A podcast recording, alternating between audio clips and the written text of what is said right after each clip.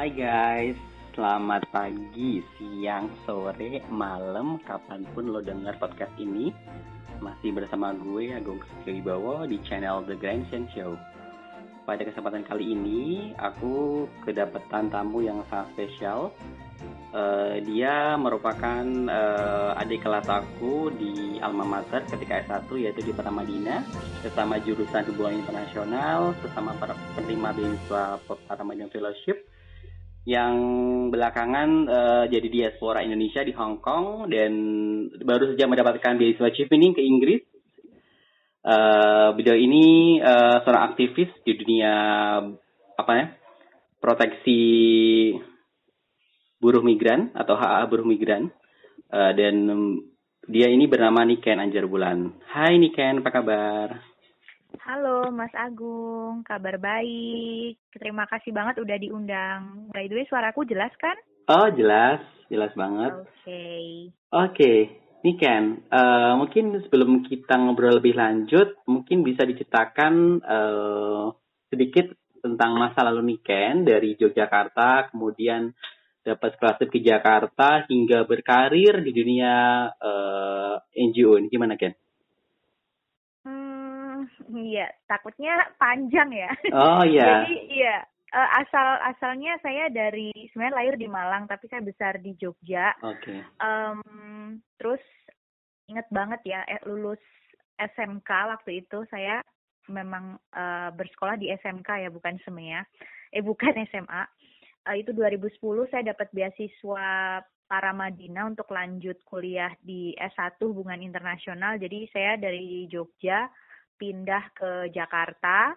Um, terus ya ya selama kuliah ya masih manage untuk dapat apa namanya GPA bagus tapi juga ak udah memang aktif sih di dunia NGO ya sering main-main nongkrong atau magang di NGO gitu dan akhirnya lulus kuliah 2014 saya uh, pertama kali kerja tuh emang kebetulan di di NGO namanya Migran Care yang itu bergerak di perlindungan buruh migran gitu tapi dia base-nya di Indonesia jadi kerjaan inget banget kerjaan saya pertama tuh uh, tiap hari bolak-balik ya dari kosan saya di Mampang uh, ke Bandara Jakarta Mas Agung. Jadi okay. naik Jambi gitu.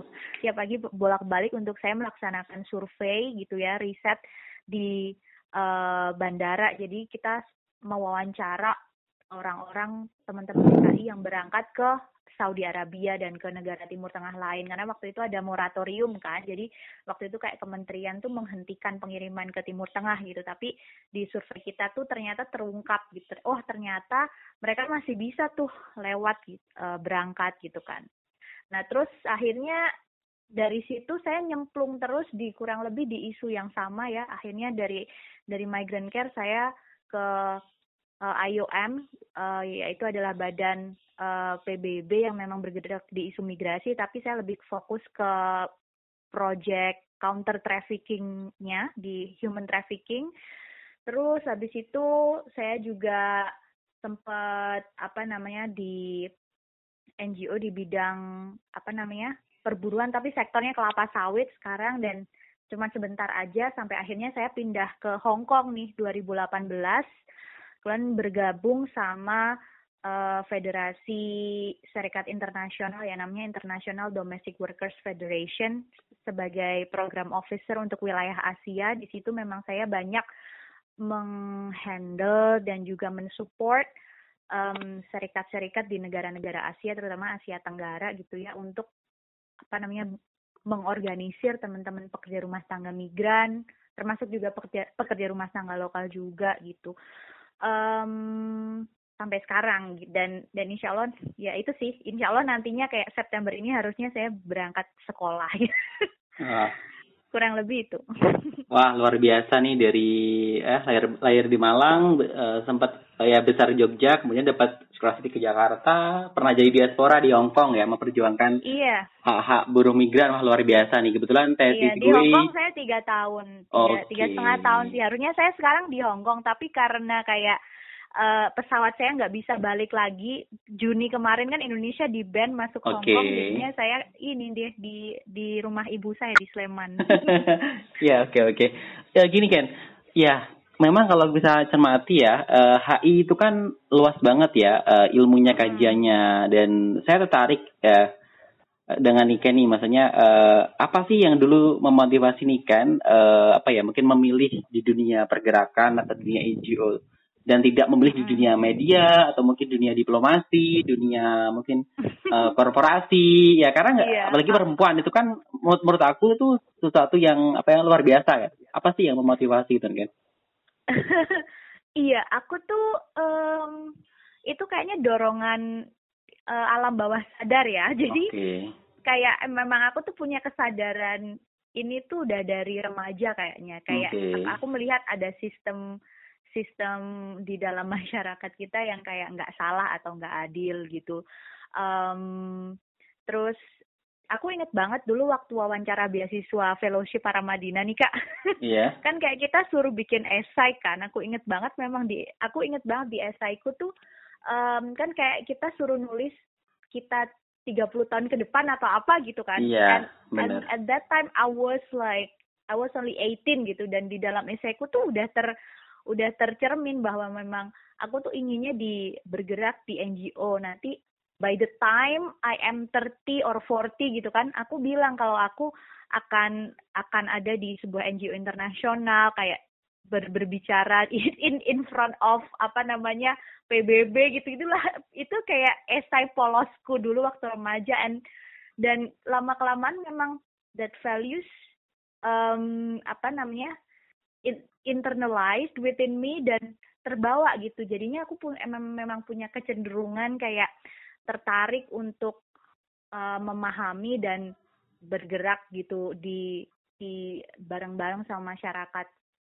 Uh, dan maksudnya berada di dalam posisi yang yang yang kecenderungannya tuh kayak uh, posisi yang kritis gitu loh terhadap kebijakan-kebijakan yang ada yang yang katakanlah nggak adil atau merugikan masyarakat atau kelompok-kelompok tertentu um, sebenarnya itu aja sih sebenarnya kayak waktu itu aku ingat 2010 uh, ketika ketika kita lagi sibuk-sibuknya ini nih mempersiapkan aplikasi buat beasiswa di Paramadina yeah. itu itu tuh ada ada sebuah uh, peristiwa di mana ada satu remaja yang dia tuh meninggal karena di di apa namanya ditabrak sama tanknya Israel. Jadi okay uh, perempuan ini dari Amerika yang jadi volunteer gitu di Palestina. Waktu itu memang lagi lagi menegangkan konfliknya. Nah di situ tuh kayak bener-bener aku ter, terpicu banget dan aku menuliskan itu di di inspirasi esaiku gitu buat di para Madinah gitu sih. Jadi wow. ya jadi emang udah dari remaja. Hmm, oke. Oke oke oke.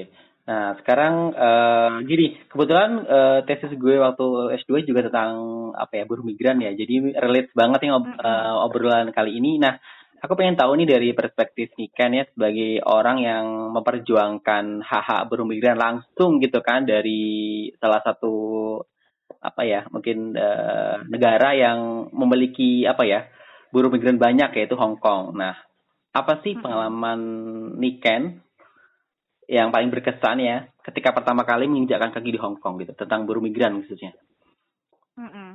Kesannya nah, apa? Kesannya apa pertama kali ketika datang ke Hong Kong? Hmm, waktu itu aku jujur kaget ya uh, karena sebelum aku ke Hong Kong kan aku emang udah dealing dengan isu buruh migran tuh kayak mungkin selama selama tiga tahunan gitu ya di di migrant care di IOM tapi kan waktu itu aku masih di Indonesia ya jadi jadi kita tuh sebenarnya kayak cuman mendengar laporan mendengar adanya permasalahan itu ya dari kasus-kasus yang kita tangani yang kayak misalnya buruh migran yang dipulangkan atau misalnya berita-berita gitu kan.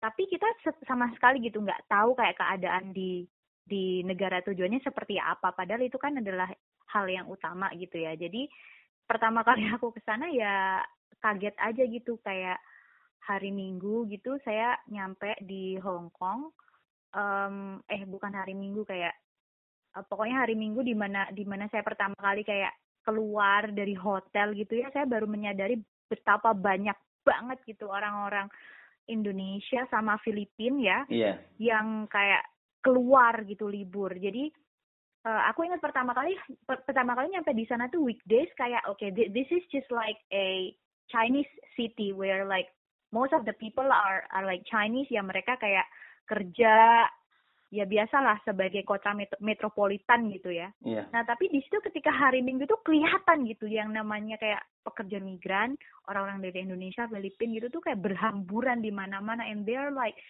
so many, they're like thousands. Jadi di di apa pusat-pusat ngumpulnya orang Indonesia di Victoria Park, kalau orang Filipina ya di Central gitu ya. Itu memenuhi taman-taman sampai sebanyak itu ya, sampai mereka duduk-duduk di di pinggir-pinggir jalan gitu. Jadi kayak wow gitu jadi itu tuh memperlihatkan salah satu sisi lain dari kota yang sangat metropolitan di mana in the weekdays you see like people on their suit gitu kan mm-hmm. tapi tapi ternyata di di hari minggu tuh oh kelihatan jadi ada satu satu kelompok gitu kan kelompok minoritas masyarakat di Hong Kong yang sebenarnya tuh um, apa namanya invisible ya nggak kelihatan kalau di weekdays tapi oke okay, di hari Minggu nih mereka kayak gini gitu. Dan dengan dengan berbagai apa ya dengan berbagai karakter kegiatan mereka dan juga masalah-masalah yang ada gitu. Um, itu yang pertama kali aku apa kesanku ya. Dan juga ya ada juga kalau misalnya ngomongin kayak kasus pertama yang aku handle gitu ketika aku di Hong Kong itu adalah kasus pelecehan seksual. Hmm, oke. Okay. Gitu. Dan jadi aku mengalami sendiri bagaimana kayak dealing with the victim of sebenarnya hampir rape ya sebenarnya tapi itu susah banget ya membuktikan gitu. Oke. Okay. Dealing with the victim of sexual violence gitu dari dari sejak kayak mereka trap di dalam rumah gimana di, kita bantuin dia untuk berani keluar terus uh, dealing dengan kondisi mental victim terus ngedampingin dia lapor ke polisi dan lain sebagainya itu tuh juga uh, dan apalagi di di saat itu aku masih baru ya I think I was only there for two weeks gitu okay. ya terus tiba-tiba udah dapet laporan itu sambil kayak oke okay, uh, nge-refer cases ke beberapa NGO biar maksudnya um, apa namanya dia juga dapat bantuan yang cukup. Um, itu juga salah satu pengalaman yang nggak bisa saya lupakan gitu. Terus um, sebenarnya banyak banget sih masa gue kalau ngomongin pengalaman ya. Karena nggak cuma di Hong Kong aja tapi juga I got the chance to work with uh, berbagai apa namanya serikat dan organisasi di negara-negara Asia yang lain ya. Jadi I I did a lot of travel and meet a lot of people in Philippines, in uh, India, uh, Thailand, bahkan Macau juga ya, Taiwan gitu. Hmm. Dan ya generally they face almost similar problem ya, apalagi hmm. kalau di sektor pekerja rumah tangga gitu ya, kurangnya proteksi, uh, jaminan hukum ya, jadi jam kontrak mereka nggak ada kontrak, jadi apa namanya uh, apa namanya nggak ada regulasi untuk working hours, banyak banyak kasus unpaid salary, gaji tidak dibayar dan lain sebagainya itu juga banyak. Hmm, Oke. Okay. Nah, yang saya ketahui ya, uh, mohon koreksi hmm. jika salah gitu kan. Nah, hmm. selama ini kan uh, ini selama ini uh, buruh migran Filipina itu dibayar lebih tinggi daripada Indonesia, walaupun di posisi yang sama karena alasan uh, bahasa orang bahasa Inggris orang Filipina lebih fluent. Itu benar nggak sih kayak gitu? Ya, itu memang benar di negara-negara tertentu ya, seperti uh, Malaysia dan juga Singapura. Okay. Karena memang uh, di di negara tersebut itu memang apa namanya pemerintah di negara tujuan tersebut nggak memiliki standar yang sama gitu loh untuk untuk pekerja migran uh, dari luar gitu. Jadi uh, terutama untuk di Malaysia ini memang gapnya kelihatan banget. Uh, teman-teman TKI kita di Malaysia itu rata-rata kayak mendapat 1.100 ringgit ya. Ini untuk mm -hmm. sektor kerja rumah tangga. Tapi kalau untuk pabrik dan uh, pabrik mungkin lebih tinggi. Tapi untuk pekerja rumah tangga ya dan yang di perkebunan tuh hampir sama sih. Kayak sekitar segituan ya. Berarti sekitar 3 jutaan gitu ya. Okay. Kalau teman-teman Filipin itu bahkan mereka uh, terutama mungkin untuk yang sudah professional caretaker ya bisa okay. kayak mendapatkan kemarin dari survei terakhir kita tuh enam ribu ringgit wow. kali tiga ribu wow gapnya yeah. tinggi banget ya ada ada yang seperti itu tapi memang memang um, sebagian kecil saja. Tapi memang ya le lebih tinggi. Teman-teman di Malaysia yang teman Filipina yang di Malaysia rata-rata kayak udah sekitar di atas 1.500 atau hampir 2.000 mungkin ya ringgit itu di di Singapura juga seperti itu. Tetapi untuk di Hong Kong Ina ini Hong Kong adalah apa namanya negara tujuan yang yang standar dan regulasinya itu jelas gitu. Jadi memang Labor Department di pemerintah Hong Kong itu sudah menetapkan kayak udah ada aturan standar kontraknya itu tuh sama untuk seluruh foreign uh, domestic workers. Okay. Jadi mau Indonesia atau Filipina itu sama gitu. Di Taiwan itu juga masih belum ada, nggak punya standar kontrak. Nah inilah yang yang yang biasanya membedakan. Nah kenapa bisa beda? Itu juga ada faktor bukan hanya faktor kayak personal ya, tapi ini juga sebenarnya faktor pemerintahnya juga gitu. Okay. Karena embassy Filipina tuh mereka bisa mereka mampu menegosiasikan kontrak dengan negara tujuan namanya MOU gitu loh. Oke. Okay. Uh, yang disebut dengan bilateral agreement okay. ya antara negara pengirim dan negara penerima gitu. Hmm. Jadi kayak uh, apa namanya embassy di Filipina tuh mampu gitu nego kan. Oke, okay, kita mau nih kita bisa ngirim uh, tenaga kerja di di negara lo entah itu Malaysia atau Singapura atau mana gitu ya asal kita maunya gini-gini standar kontrak standar kontraknya seperti ini gajinya seperti ini gini gini nah dan itu uh, pemerintah uh, apa namanya negara tujuan mau mau menerima itu gitu nah ini yang masih kurang di yang saya rasa di apa embassy kita ya. Kayak MOU Indonesia Filipina itu tuh belum final gitu dari sejak tahun 2000 2016 kali ya udah expired. Jadi jadi kita kita kita itu nggak tahu jadi standar upahnya itu sebenarnya tuh berapa sih untuk teman-teman yang di Malaysia gitu kan nah itu terus di Singapura juga seperti itu hmm oke okay. nah selama niken apa namanya di Hong Kong ya yang memang apa ya mengurusi beberapa negara Asia ya kalau nggak salah itu hmm. apa sih permasalahan yang paling apa ya sering can handle gitu kan tadi banyak tentu banyak hmm. banyak ini ya skopnya banyak kan kerjanya tapi yang masalah yang paling sering meng, uh, mengemuka itu apa kan yang hmm. can handle uh, kebanyakan itu kalau untuk uh, kasus ya hmm. per negara tuh biasanya beda-beda kalau okay. kalau Hong Kong tuh biasanya kasusnya tuh nggak nggak berat-berat kecuali satu yang saya handle pertama itu ya abuse gitu violence okay. uh, tapi rata-rata tuh ya itu uh, pemutusan kontrak tanpa adanya kompensasi gitu. Jadi misalnya uh, diputus kontrak sama majikannya, terus sebenarnya kalau di Hong Kong itu kan udah ada aturannya ya, perlindungannya jelas kalau ada pemutusan kontrak itu tuh misalnya di diberikan satu bulan gaji, nah itu satu bulan gajinya nggak dibayar. Jadi kayak oke okay, kita membantu untuk membantu pekerja ini untuk mendapatkan hak-hak dia kompensasi tersebut gitu. Kalau di Malaysia itu banyak banget sih. Itu dari yang uh, unpaid salary yang sampai gaji nggak dibayar itu sampai ada yang dua tahun tiga tahun.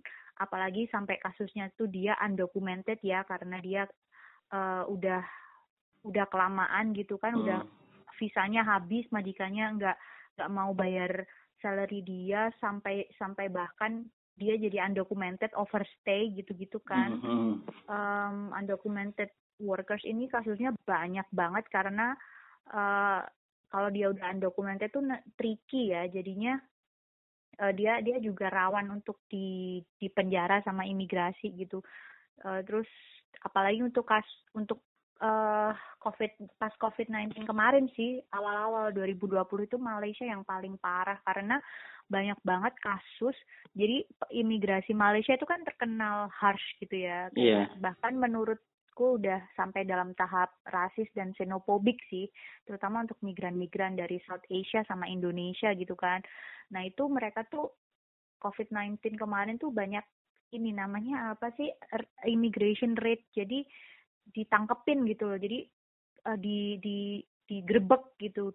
Penggerbekan yang mentarget teman-teman migrants terus ditangkepin diangkut di mobil uh, terus langsung gitu aja di ditahan di detention center di imigrasi hmm. gitu itu banyak banget teman-teman Indonesia yang kena di situ. Dan dan ya itu nggak ada fair trial terus dan itu lahan korupsi juga sih banyak yang kayak diperasin gitu banyak, uh, sampai kayak puluhan belasan juta gitu loh dari imigrasi ya terus nah itu kalau misalnya teman-teman yang udah tersangkut kasus imigrasi deten udah apalagi kalau udah masuk detention center ya hmm. atau tahanan imigrasi nah ini ini challenging banget apa namanya kita untuk handle kasusnya um, karena bagaimanapun immigration adalah salah satu apa namanya lembaga yang amat sangat powerful gitu. Hmm. um, kalau kalau untuk kayak hak-hak perburuhan yang dilanggar gitu sih sejauh ini kita masih bisa bantu ya. Tapi kalau untuk yang tersandung kasus-kasus imigrasi seperti itu itu biasanya lebih lebih challenging. Terus permasalahannya kayak apalagi ya itu sih. Dan mungkin yang banyak kita lakukan tuh jadi nggak hanya untuk menanganin kasus aja ya tapi advokasi gitu. Jadi gimana kayak kita tuh memberdayakan teman-teman di serikat gitu nggak hanya untuk nanganin kasus teman-temannya aja tapi juga juga mampu nih ngomong ke pemerintah gitu untuk apa sih yang harus diperbaikin.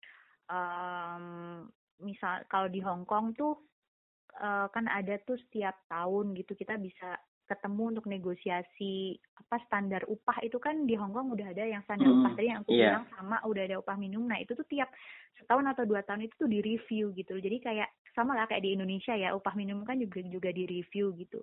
Nah itu kita nge-training bantu teman-teman. Nih nanti nanti kalian kalian ini akan duduk nih bareng labor department. Terus kayak gimana cara kalian ngomong kenapa sih upah pekerja rumah tangga Indonesia di Hong Kong misalnya layak naik gitu gitulah misalnya um, ya kurang lebih seperti itu di advokasi sih itu gimana hmm. kita, ngomong sama pemerintah Hmm, oke. Okay. Jadi bisa dikatakan ya kalau Hong Kong tuh uh, buruh migrannya tuh terproteksi kan ya kalau kita bandingkan dengan negara tetangga Malaysia, Singapura kan orang-orang kita di sana kan banyak yang ya ya hmm. ya hak-haknya nggak dipenuhin benar nggak sih kalau Hong Kong hmm. tuh lebih terproteksi itu untuk buruh migran lebih lebih ramah buruh migran benar iya benar karena di Hong Kong itu sud sudah ada standar kontrak yang itu sama dan tidak mendiskriminasi teman-teman dari Indonesia, Filipina atau dari India dari mana pun. Terus juga kok dan itu mengatur apa namanya mengatur upah minimum, mengatur kayak tugas-tugasnya apa aja, terus dia mengatur uh, dia berhak dapat makanan layak, misalnya dia nggak boleh apa namanya bersihin nggak boleh bersihin jendela gitu kan. Nah dan di di Hong Kong itu juga juga nggak hanya kontrak aja, tapi sistemnya juga jalan. Jadi okay. Labor Department Hong Kong tuh juga memfasilitasi ada kalau ada namanya aduan-aduan gitu ya, okay. atau misalnya uh, kita mau ngaduin uh, employer kita gitu. Uh, dia juga memfasilitasi untuk labor dispute, labor tribunal itu juga ada gitu. Tapi memang masih masih ada perbedaan gitu antara pekerja migran sama pekerja lokal Hong Kong. Jadi memang upah minimum pekerja migran pasti beda ya jauh yeah. lebih rendah kayak pekerja migran di Hong Kong tuh mungkin upah min, upahnya tuh cuma 30% dari okay. kayak upah minimum bulanan yang yang diterima pekerja lokal Hong Kong gitu. Um, terus sama perbedaannya di situ sama jam kerja ya. Jadi okay. di di di kontraknya nggak nggak ada ngatur standar jam kerja sih. Itu memang challenge sektor rumah tangga di mana pun kayaknya. Ini oh, yang masih okay. kita perjuangkan memang. Oke, okay. kalau untuk uh, trafficking, baik itu child trafficking atau woman trafficking, kalau di Hong Kong sendiri gimana, Gen?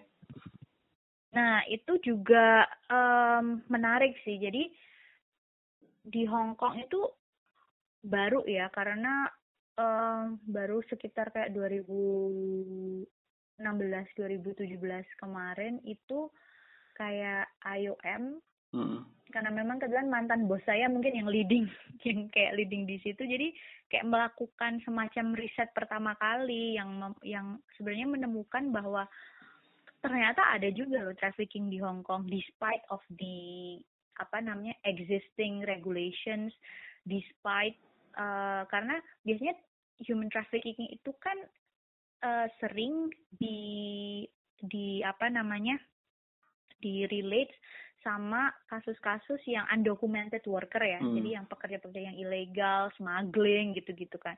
Nah, di Hong Kong kan sebenarnya permasalahan itu sudah relatif tidak ada karena kayak semua pekerja migran tuh yang masuk tuh mereka documented semua gitu loh. Hmm. Nah, tapi ternyata ada riset yang menarik itu juga walaupun mereka itu terdokumentasi eh ya tapi ternyata tetap jadi mereka masih menjadi korban eh, apa namanya perekrutan yang tidak adil dan juga eksploitasi di mana dua hal itu adalah eh, salah apa namanya di mana dua hal itu adalah apa namanya mode-mode dari trafficking itu kan. Jadi ma- masih ada ternyata tapi jumlahnya tidak signifikan. Hong Kong dan China sendiri itu tuh eh tapi kalau China memang susah sih enggak jadi kan ada ranking ya kayak Iya. trafficking tuh kayak em, negara-negaraku tuh ada di ranking dia di tier satu atau dua gitu.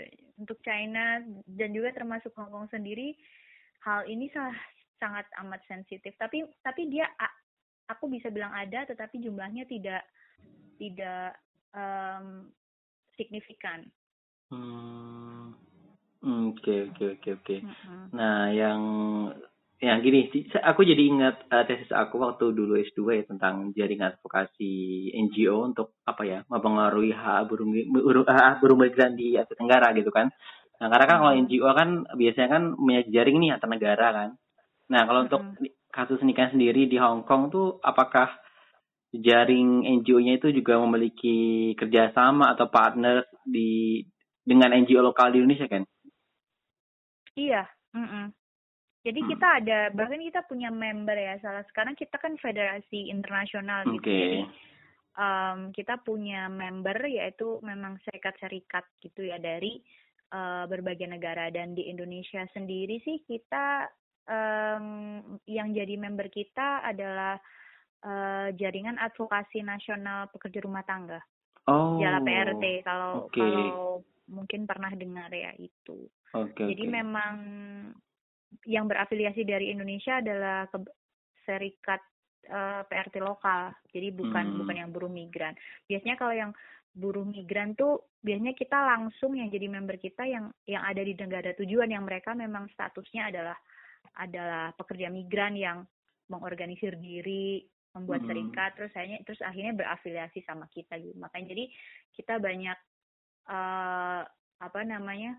anggota-anggota kita kayak asosiasi pekerja migran Indonesia di Malaysia, asosia terus eh, jaringan eh, apa namanya pekerja migran Indonesia di Hong Kong, gitu-gitu.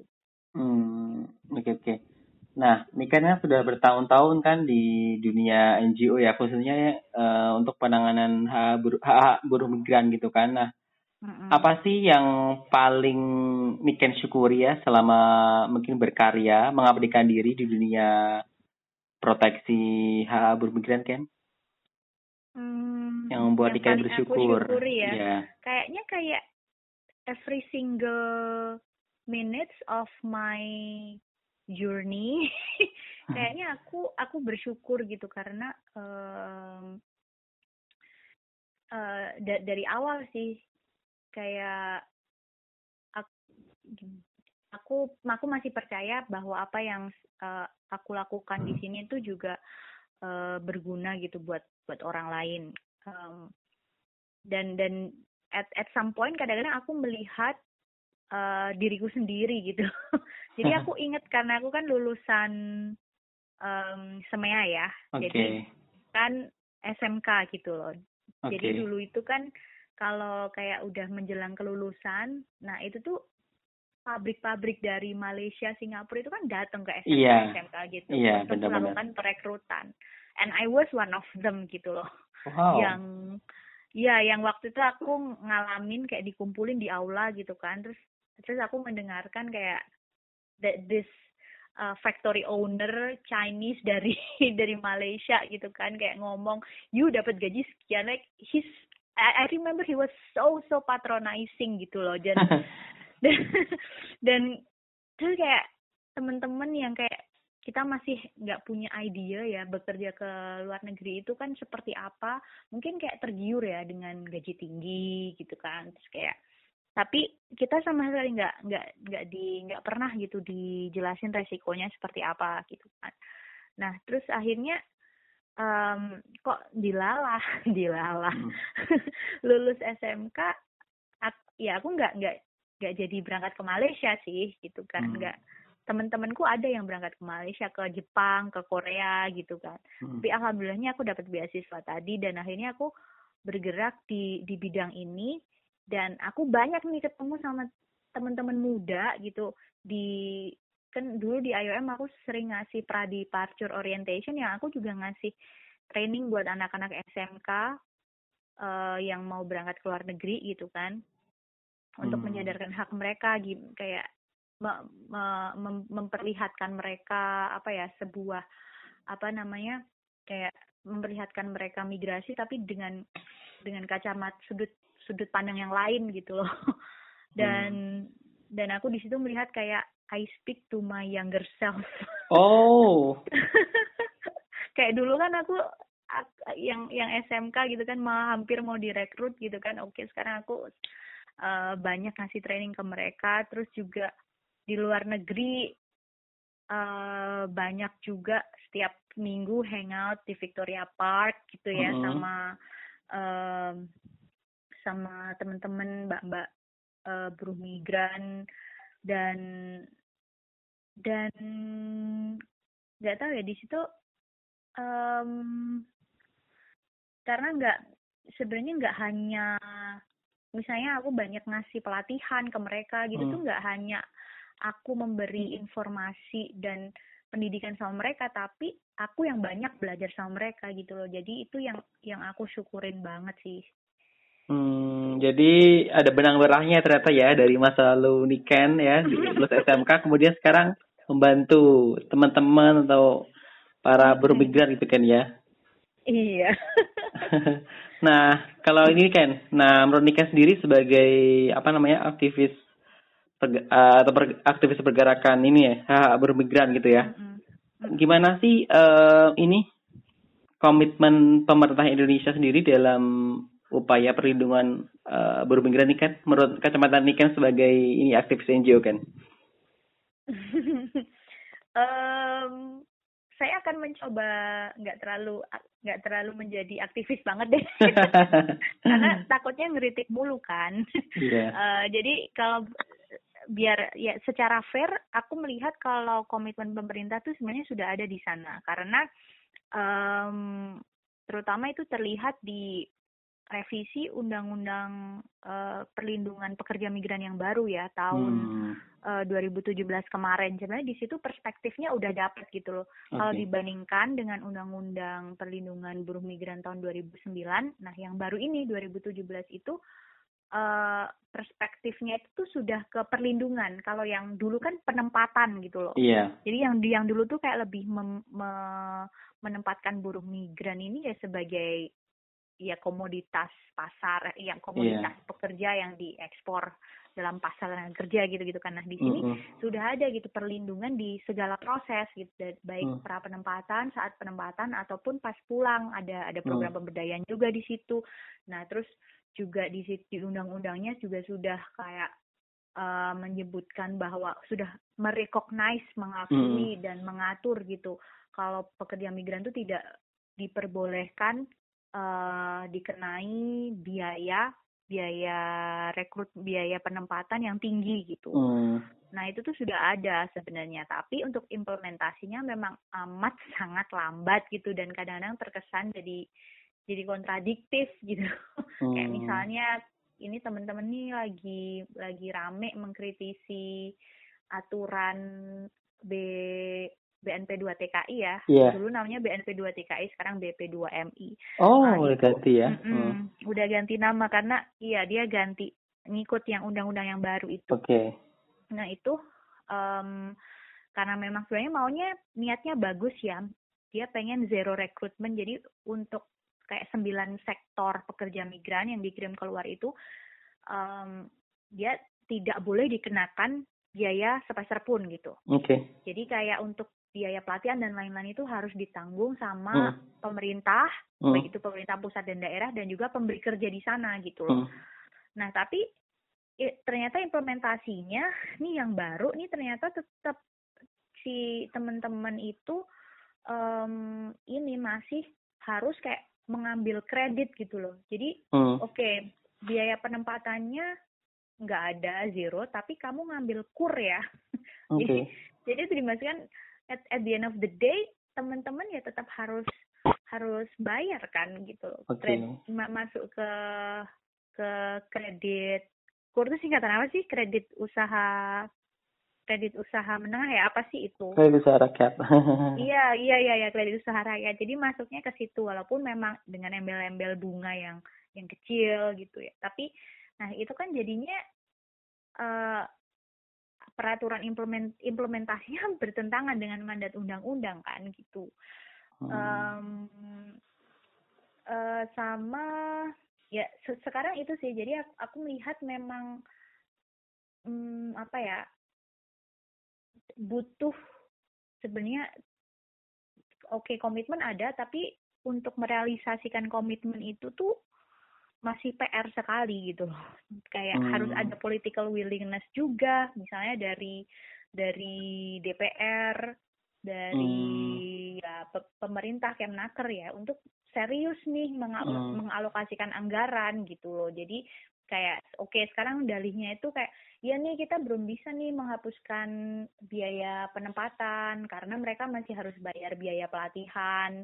di Hmm. PT dan Iya. lain-lain gitu ya udah dong ya ya serius dong kasih anggaran untuk memberdayakan eh, dinas-dinas tenaga kerja di kabupaten sama provinsi untuk untuk ini apa ya, membangun balai latihan kerja gitu Oke. kan untuk membangun sistem pelatihan di daerah dan lain sebagainya biar teman-teman ini nggak harus bayar biaya pelatihan mereka sendiri di PT yang itu tuh Oke. sebenarnya nggak bener juga loh pelatihan di Oke. PT itu kayak itu kan yang jadi permasalahan juga karena pelatihannya Oke. itu nggak serius nggak bener mereka berangkat tuh masih belum bisa bahasanya kayak cuman eh, bilang bilang piring salah ngomong sendok kan itu jadi bikin bikin employer di sana tuh kan keki ya Oke. Nah itu kan karena karena tidak ada pelatihan dan tidak dididik dengan benar nih karena di oleh PT-PT ini gitu loh.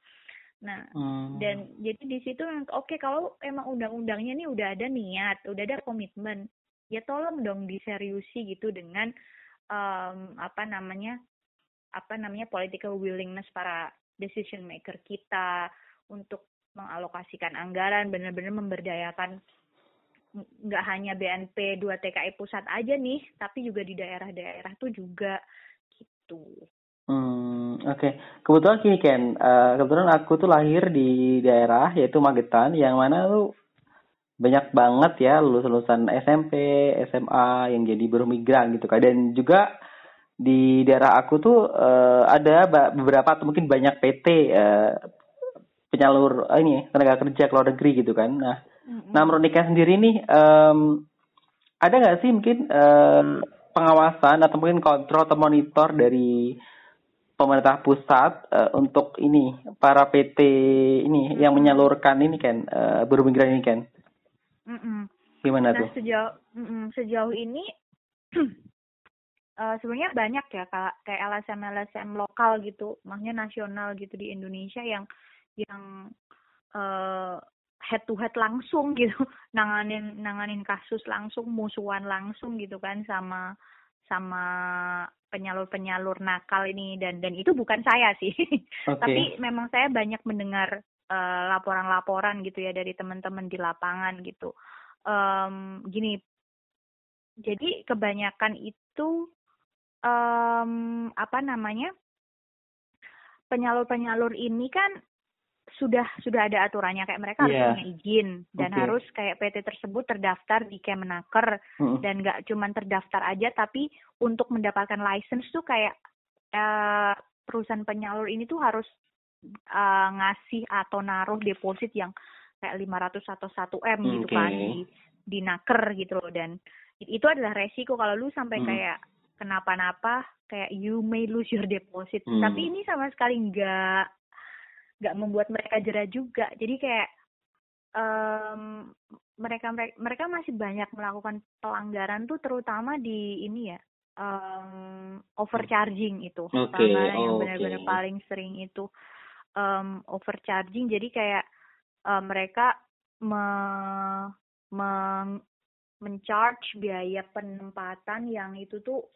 melebihi peraturan menteri kan? Peraturan menteri kan udah ada tuh kayak misalnya tapi peraturan menteri yang lama ya, yang bukan yang bukan berdasarkan undang-undang yang baru kan harusnya biaya penempatan tuh nggak ada gitu. Oke. tapi tapi memang peraturan menterinya tuh kalau misalnya ta- kayak peraturan menteri di tahun 2015 gitu kan masih masih ngatur tuh kayak di Singapura, Hong Kong, eh, Malaysia gitu tuh berapa gitu yang bisa dikenakan ke kayak ke pekerja migran gitu. Nah mereka tuh bisa kayak misalnya harusnya tuh 10 juta mereka bisa narik tuh bisa sampai 30 juta tiga Oh atau empat kali lipat My God. itu yang dan itu kan sebenarnya nah untuk eh apa namanya kita bisa membawa atau menyeret gitu ya, menyeret PT-PT nakal em, ini kan biasanya kayak kita harus ngelaporin itu ke BNP 2 TKI lah terus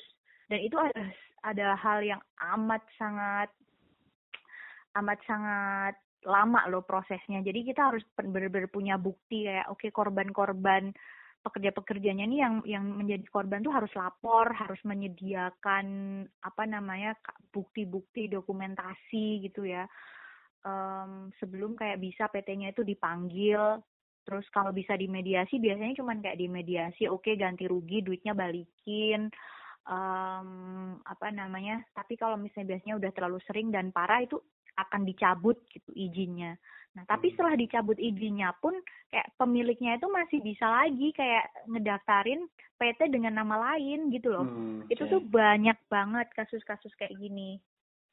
Hmm. Dan ya itu itu tantangannya itu. Jadi em, kita tahu sih di lapangan tuh pasti banyak banget yang nggak benar. Nah, tapi bagaimana nih caranya kita mengumpulkan bukti-bukti ya yaitu Hmm. ya dari dari pekerja migran itu sendiri yang benar-benar harus harus melapor tentu saja dengan di didampingin ya Hmm. eh, dengan NGO gitu yang yang akan nga- ngawal prosesnya dari Hmm. kayak kita juga bekerja sama dengan eh, pengacara juga karena ini adalah kasus hukum ya banyak banget Hmm. Oke oke oke oke. Nah, apa namanya? Menurut Nika nih, em, apa sih yang perlu ditiru pemerintah Indonesia eh, dari Filipina kan? Kan Filipina kan kita tahu kan salah satu negara yang paling apa ya mungkin eh, memiliki banyak diaspora eh, dan bur- atau buruh migran lah ya kita nyebutnya. Dan Mm-mm. kita kenal banget nih di Filipina itu be- political will untuk melindungi buruh migrannya itu kuat banget. Nah, menurut Nika sendiri nih apa sih yang Mas perlu Indonesia pelajari dari Filipina? Mm-mm. Hmm, eh, kalau ya betul memang ya Filipina tuh bi- adalah negara yang bisa dikatakan menjadi percontohan. Jadi sebenarnya kayak ketika pemerintah itu melakukan revisi Undang-Undang Perlindungan Pekerja Migran tahun 2017 itu tuh Hmm. itu tuh udah banyak mengacu juga dan studi bandingnya dengan Filipina juga. Hmm, dan eh, beberapa apa pasalnya gitu sudah kayak hampir eh, meng- hampir mengilustrasikan atau men- mencontoh beberapa prinsip yang ada di undang-undang Filipina. Dan em, kalau aku melihat dari paradigmanya karena eh, di Filipina itu kan pekerja migran itu menjadi penyumbang GDP paling besar ya Iya, bahkan benar kayak benar benar. eh, apa namanya kayak pekerja jumlah pekerja Filipino yang uh, bekerja di di luar negeri itu kayaknya mungkin hampir sama kali ya sama kayak local working force gitulah aku ya mungkin uh, perlu dilihat lagi datanya nah mungkin karena karena itu ya mungkin karena jadi sumber utama remittance gitu jadinya okay. mau nggak mau ya pemerintah Filipina harus menyediakan skema dan untuk memvalue dan memproteksi pekerja migran mereka kan. Nah, bagaimana pemerintah Indonesia itu juga bisa mulai seperti itu gitu loh. Jadi uh, di, dilihat dari paradigmanya dulu deh gitu. Paling nggak kalau ya kalau masih susah pakai paradigma kesetaraan gitu ya dalam basisnya citizenship gitu bahwa memang kayak uh, kan banyak nih pekerja-pekerja di sektor informal, pekerja rumah tangga gitu, bahwa mereka juga pekerja itu, bahwa mereka juga mendatangkan remittance, ayo dong lindungin gitu kan. Hmm. Paling nggak pakai pakai paradigma itu dulu lah bahwa nih dengan remittance yang sebesar ini, ya walaupun kalau di Indonesia masih Indonesia apa namanya kita bukan uh, bukan apa namanya pe, penyumbang GDP terbesar, bukan, tapi tapi paling nggak dengan remittance yang sebegitu banyaknya ya billions of US dollar per year gitu. Um, dan juga membantu mengentaskan kemiskinan di pedesaan-pedesaan gitu kan. Nah itu kan sudah sudah paling nggak selayaknya itu tuh itu kewajiban gitu loh buat pemerintah kita untuk mulai hmm. uh, mengimplementasi peraturannya peraturan yang udah ada gitu um, sama mungkin dan Filipina itu mereka tuh jadi lebih apa namanya lebih op lebih welcome dan juga responsif terhadap standar-standar internasional uh, yang ada gitu kayak misalnya um, ILO atau okay. Um, uh, ILO Convention jadi konvensi PBB yang menga yang me, me, merecognize misalnya perlindungan untuk pekerja rumah tangga nah di di Asia tuh Filipina satu-satunya negara yang meratifikasi konvensi yeah. tersebut gitu yeah, Yeah. Um, dan dan selain itu juga Filipina tuh juga open dengan berbagai proses regional yang ada misalnya di ASEAN itu kan ada charter yeah. um, kayak untuk perlindungan buruh migran juga nah kayak mereka selalu menjadi negara pertama yang say yes we will commit gitu okay. Nah itu, nah bagaimana pemerintah Indonesia itu sebenarnya juga juga juga bisa harusnya kayak gitu ya. Jadi uh, lebih aware dan juga, ayolah sebenarnya um, di, ada juga loh instrumen nasional yang yang bisa kita adopsi, yang bisa hmm. kita uh, jadikan acuan ya. Kalau misalnya hmm. kita mau starting to implement the policy, starting to recognize um, hmm. apa namanya some group of workers yang memang belum belum mendapatkan pengakuan kayak kayak gitu. Hmm. Oke okay, oke. Okay. Nah ini uh, gini nih, apa sih uh, mungkin pesan-pesan nih Ken kepada para pendengar podcast ini yang ingin menjadi uh, diaspora uh, seperti ini Ken nih yang pernah jadi diaspora di Hong Kong. Apa yang perlu dipersiapkan gitu kan misalnya? Hmm, di Hong Kong ya? iya, khususnya. um, kalau teman-teman yang misalnya mungkin ingin bekerja sebagai tenaga kerja Indonesia di luar negeri, terutama di Hong Kong gitu ya, uh, apa namanya, kita paling nggak harus benar-benar make sure kita memiliki kesiapan mental, um, karena memang budaya di Indonesia dan di luar negeri khususnya di Hong Kong itu sangat beda gitu kan. Terus um, kita ya mungkin kalau misalnya di nggak tahu nih kayak segmen pendengarnya Mas Agung tuh ada calon-calon TKI nggak sih? Oh enggak, jadi yang saya tanyain lebih gini kan, lebih ke ya? diasporanya, maksudnya yang yang ini ya mungkin uh, pekerja yang ini ya kelas dan ke atas lah ya. Oh ya, gitu ya. Yang bisa di perusahaan atau mungkin bisa yeah, di yeah. sektor sektor bukan sektor non formal maksudnya khususnya. Ah uh, ah uh, uh, ya sektor formal ya. Iya. Yeah. Iya. Iya, visa saya bukan visa migrant worker sih ya, visa saya termasuk okay. visa profesional. um, sebenarnya saya berangkat unprepared ya. Jangan ditiru nih. Um, um, tapi ya itu ya di Hong Kong is a very um, metropolitan and a very tough city to live especially to work. Karena bahkan saya sendiri kan di bidang NGO pun mm. um, yang kayak orang-orang NGO kan terkenal santai dan lain-lain ya tapi yeah. apalagi kalau di Indonesia gitu kan kayak ngopi gitu bisa sampai jam 11 pagi baru baru kerja depan laptop gitu. Wow. Tapi kalau di Hong Kong, di Hong Kong di NGO tuh bener-bener tough juga gitu. Okay. They, they have a very um, apa namanya strong discipline dan um, aku lama lama kelamaan jadi jadi jadi terbawa juga sih mau nggak mau gitu. Um, dan dan mereka tuh apa namanya they mereka apa ya mereka punya standar yang cukup tinggi soal kayak um, apa namanya uh, kerja kita gitu tentang kinerja kita gitu. Itu mereka sam sangat take it seriously.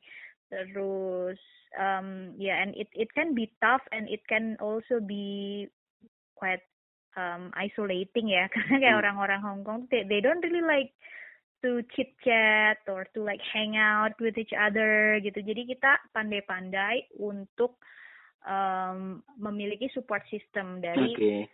dari ya di di luar pekerjaan kita lah biasanya kayak you don't really hang out with your um, colleagues in the office so mm. you have to like find um, some other circle gitu yang bisa apalah bisa uh, apa namanya bisa mensupport kita secara socially and mentally gitu-gitu sih. Hmm, oke. Okay.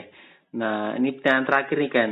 Apa pesan-pesan Ikan kepada para pendengar podcast ini, uh, khususnya para milenial dari fresh graduate yang ingin bekerja di dunia NGO kan? Kan NGO kan tentu sangat berbeda dong sama sektor swasta gitu. Uh, ya, menurut aku aku mungkin yang paling ya everything starts with passion okay. karena uh, aku, aku percaya kayak kayak biasanya tuh teman-teman yang yang punya punya cita-cita kerja di NGO mereka pasti tidak mem mementingkan material gains lah. Kita kita tahu kan.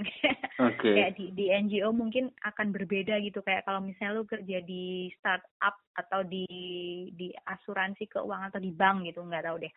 Um, itu tapi make sure make sure and believe that you have a a cost to to pursue gitu. Entah di bidang apa pun ya kayak kayak di bidang pekerja, di bidang lingkungan, okay. um, mungkin animal rights atau apa pun itu.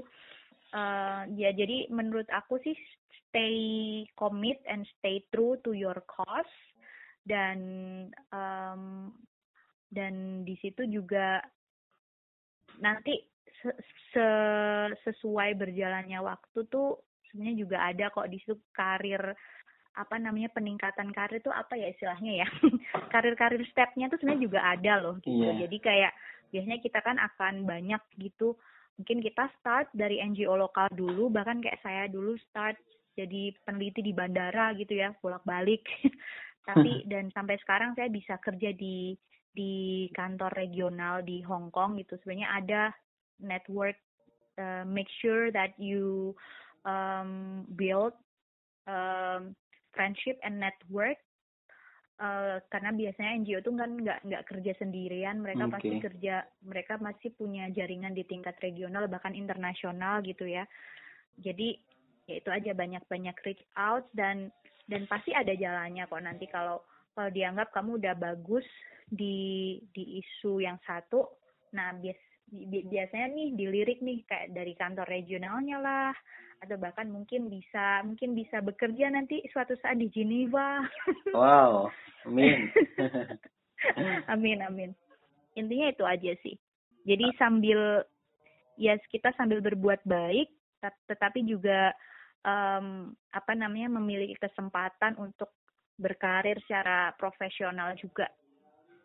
Oke oke wah wah luar biasa nggak terasa hampir satu jam. Uh apa namanya obrolan kita pada kali ini kan ya ya saya, saya doakan semoga Niken terus bisa menginspirasi uh, generasi muda Indonesia ya khususnya di dunia aktivisme dunia pergerakan gitu kan ya nah Amin, amin. Thank you, Mas. Oke, okay, bagi para pendengar podcast uh, The, The Grayson Show, uh, terus teruslah mendengar podcast ini karena setiap episode-nya akan uh, membawa para tamu yang menginspirasi.